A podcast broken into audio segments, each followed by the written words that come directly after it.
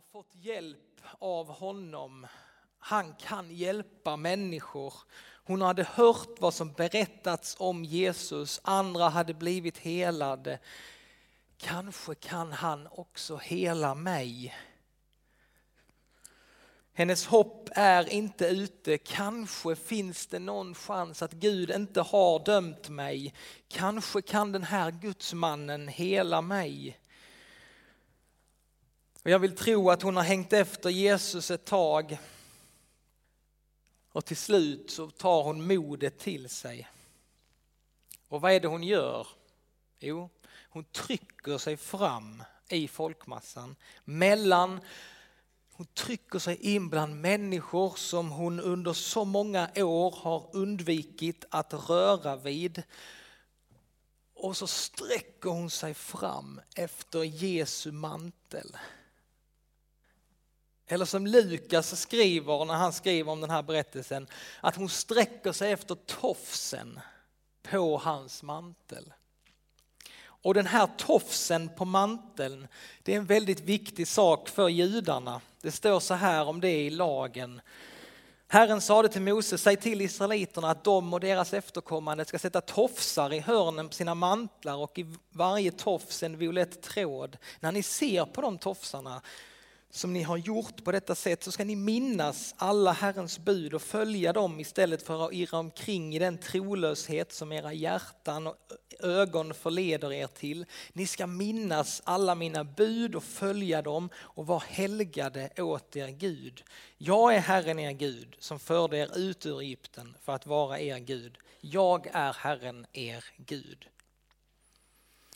Alltså vilken bra grej. Så fort ögat förleder dem så ska de påminnas att ständigt följa Guds bud, att de skulle vara heliga åt Gud. Vi är Guds folk. Han har utvalt oss att vara hans heliga.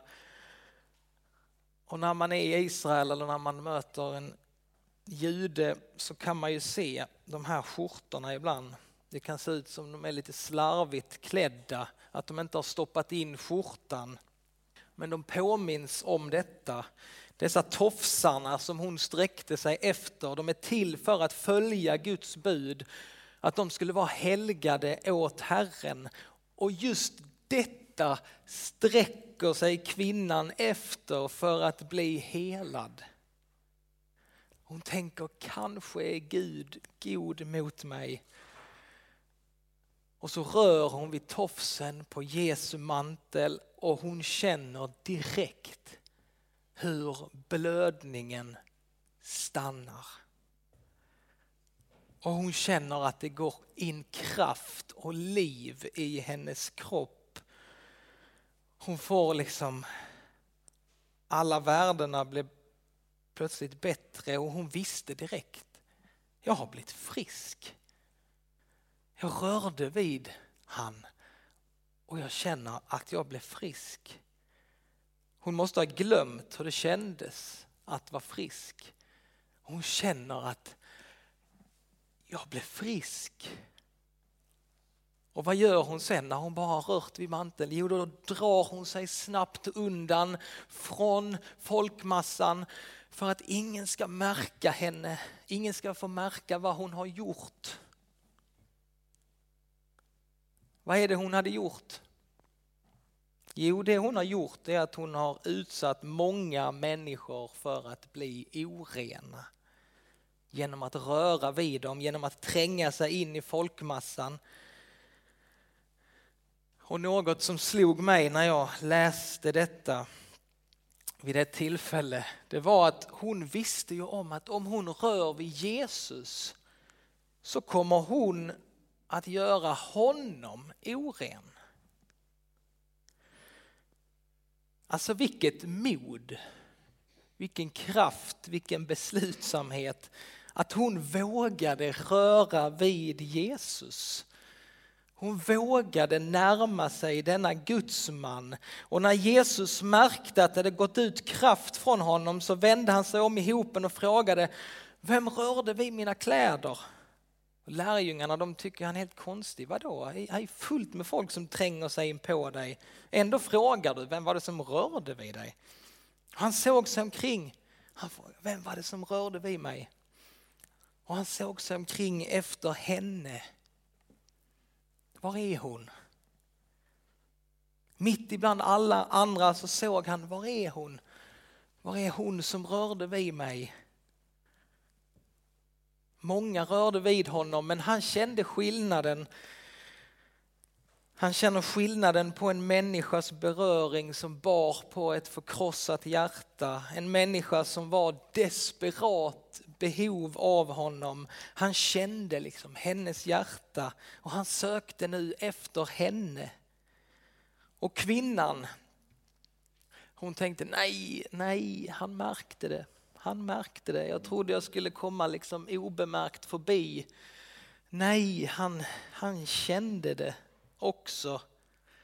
Och kvinnan som visste vad som hade hänt och hon visste vad hon hade gjort mot Jesus och mot alla andra. Nu var hon liksom ertappad och hon kom rädd och darrande fram och föll ner för honom och talade om hur det var. Jag har gjort alla er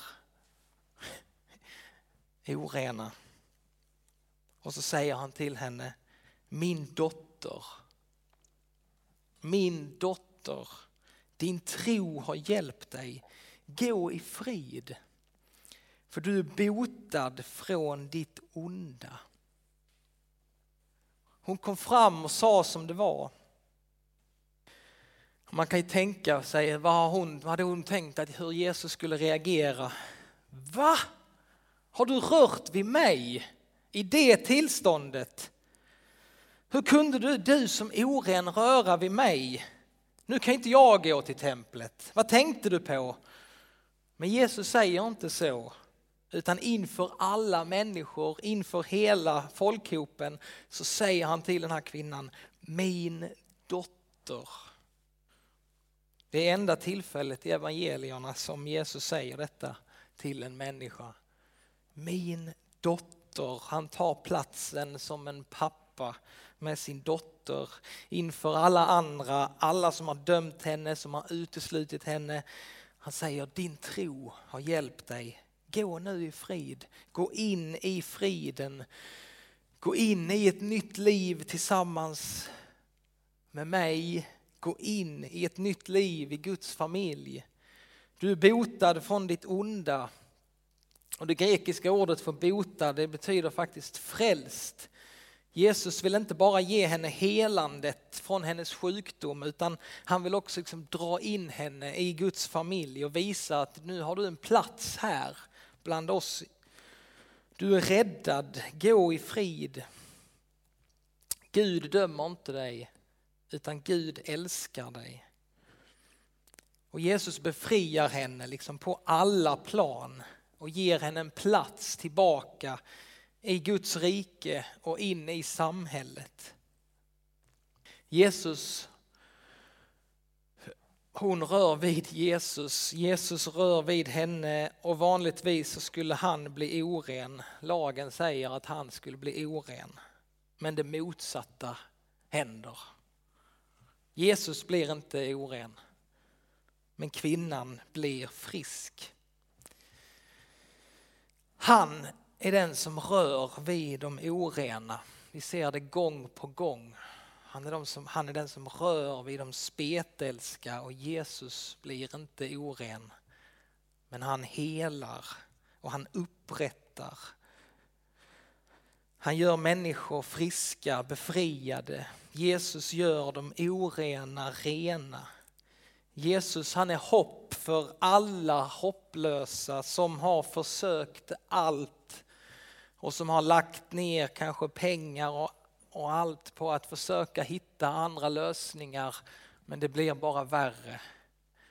Jesus är hopp för alla hopplösa. Han har kommit och berättat att det finns en fader för alla faderlösa. Idag så läser vi detta för att vi ska få bli påminda om detta. Kanske är det så idag att absolut jag och flera här inne som behöver höra han säga de orden till oss. Min dotter, min son.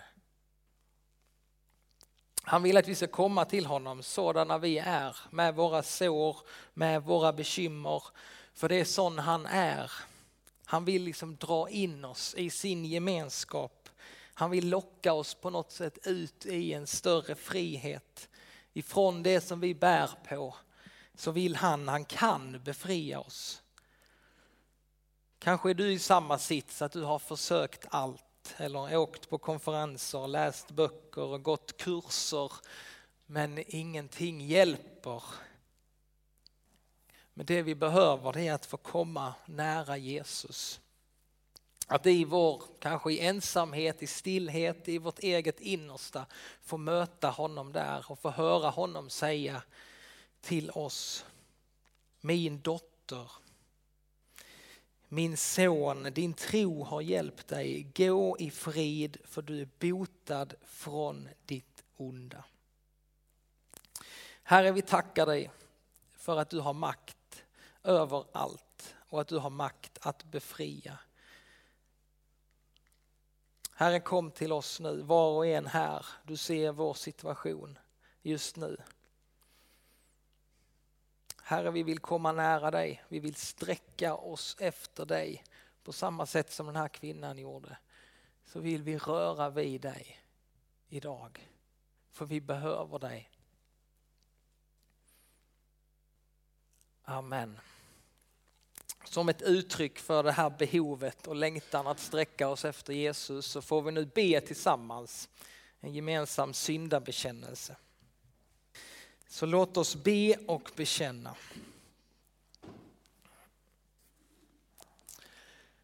Jag bekänner inför dig helige Gud att jag ofta och på många sätt har syndat med tankar, ord och gärningar.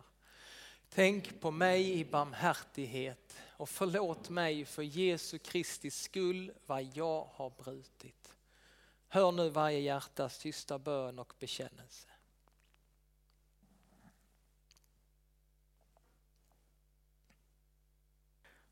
Och till dig som ber mina synders förlåtelse säger jag på Jesu Kristi uppdrag. Dina synder är dig förlåtna. I Faderns och Sonens och i den helige Andes namn. Amen. Låt oss tacka och be. Gud vår Fader, tack för att vägen till dig alltid är öppen genom Jesus Kristus. Hjälp oss att leva i din förlåtelse. Stärk vår tro, öka vårt hopp och uppliva vår kärlek. Amen. Nu ska vi få be tillsammans och då använder vi psalmboken, psalm 700 kolon 1. Så finns det något som heter kyrkans förbön där. Den kallas också för fastelitanian och en förbön som används i kyrkan just under fastetiden där vi får ropa och be till Gud om förbarmande. Och ni ser där att det P står för prästen och F så får ni gärna sjunga och be med i den här förbönen. Så låt oss be. Evige allsmäktige Gud förbarma dig över oss. Herre, hör vår bön. Herre, hör vår bön. Herre Gud, Fader i himmelen, Herre Guds son, världens frälsare. Herre Gud, du helige Ande förbarma dig över oss. Var oss nådig, hjälp oss milde Herre Gud. För alla synder, för lögn och vidskepelse, för allt ont, för djävulens grymhet och list, för pest och hungersnöd, för krig och världsbrand för ondskans makter i himlarymderna, för uppror och splittring för eld och våda, för ond bråd död, för den eviga döden. Bevara oss milde Herre Gud. Genom din heliga födelse, genom ditt kors och din död, genom din heliga uppståndelse och himmelsfärd, i frestelse och fall, i välgång och lycka, i dödens stund, på yttersta domen. Hjälp oss milde Herre Gud. Vi arma syndare beder dig att du leder och bevarar din heliga kristna kyrka. Att du sänder trogna arbetare i din skörd. Att du med ordet giver din ande och kraft. Att du gör ditt namn känt i hela världen. Att du enar alla trogna så att det blir en jord och en hede. Hör oss milde Herre Gud, att du förunnar alla folk fred och endräkt, att du skyddar och bevarar vårt fosterland, att du välsignar våra hem och för de unga på dina vägar. Hör oss milde Herre Gud. Att du tröstar alla bedrövade och svårmodiga. Att du undsätter alla dem som är i nöd och fara. Att du vederkvicker och hjälper alla sjuka att du välsignar allt gott verk, att du förbarmar dig över alla människor, att du nådigt hör vår bön. Smilde Herre allsmäktige Gud, du som hörde botfärdiga suckar och tröstar bedrövade hjärtan. Hör den bön som vi i vår nöd bär fram och hjälp oss så att allt det onda som djävulen, världen och vi själva tillfogar oss genom din Andes kraft blir till intet gjort så vill vi frälsta från allt ont i din församling alltid tacka och lova dig genom Jesus Kristus vår Herre. Amen.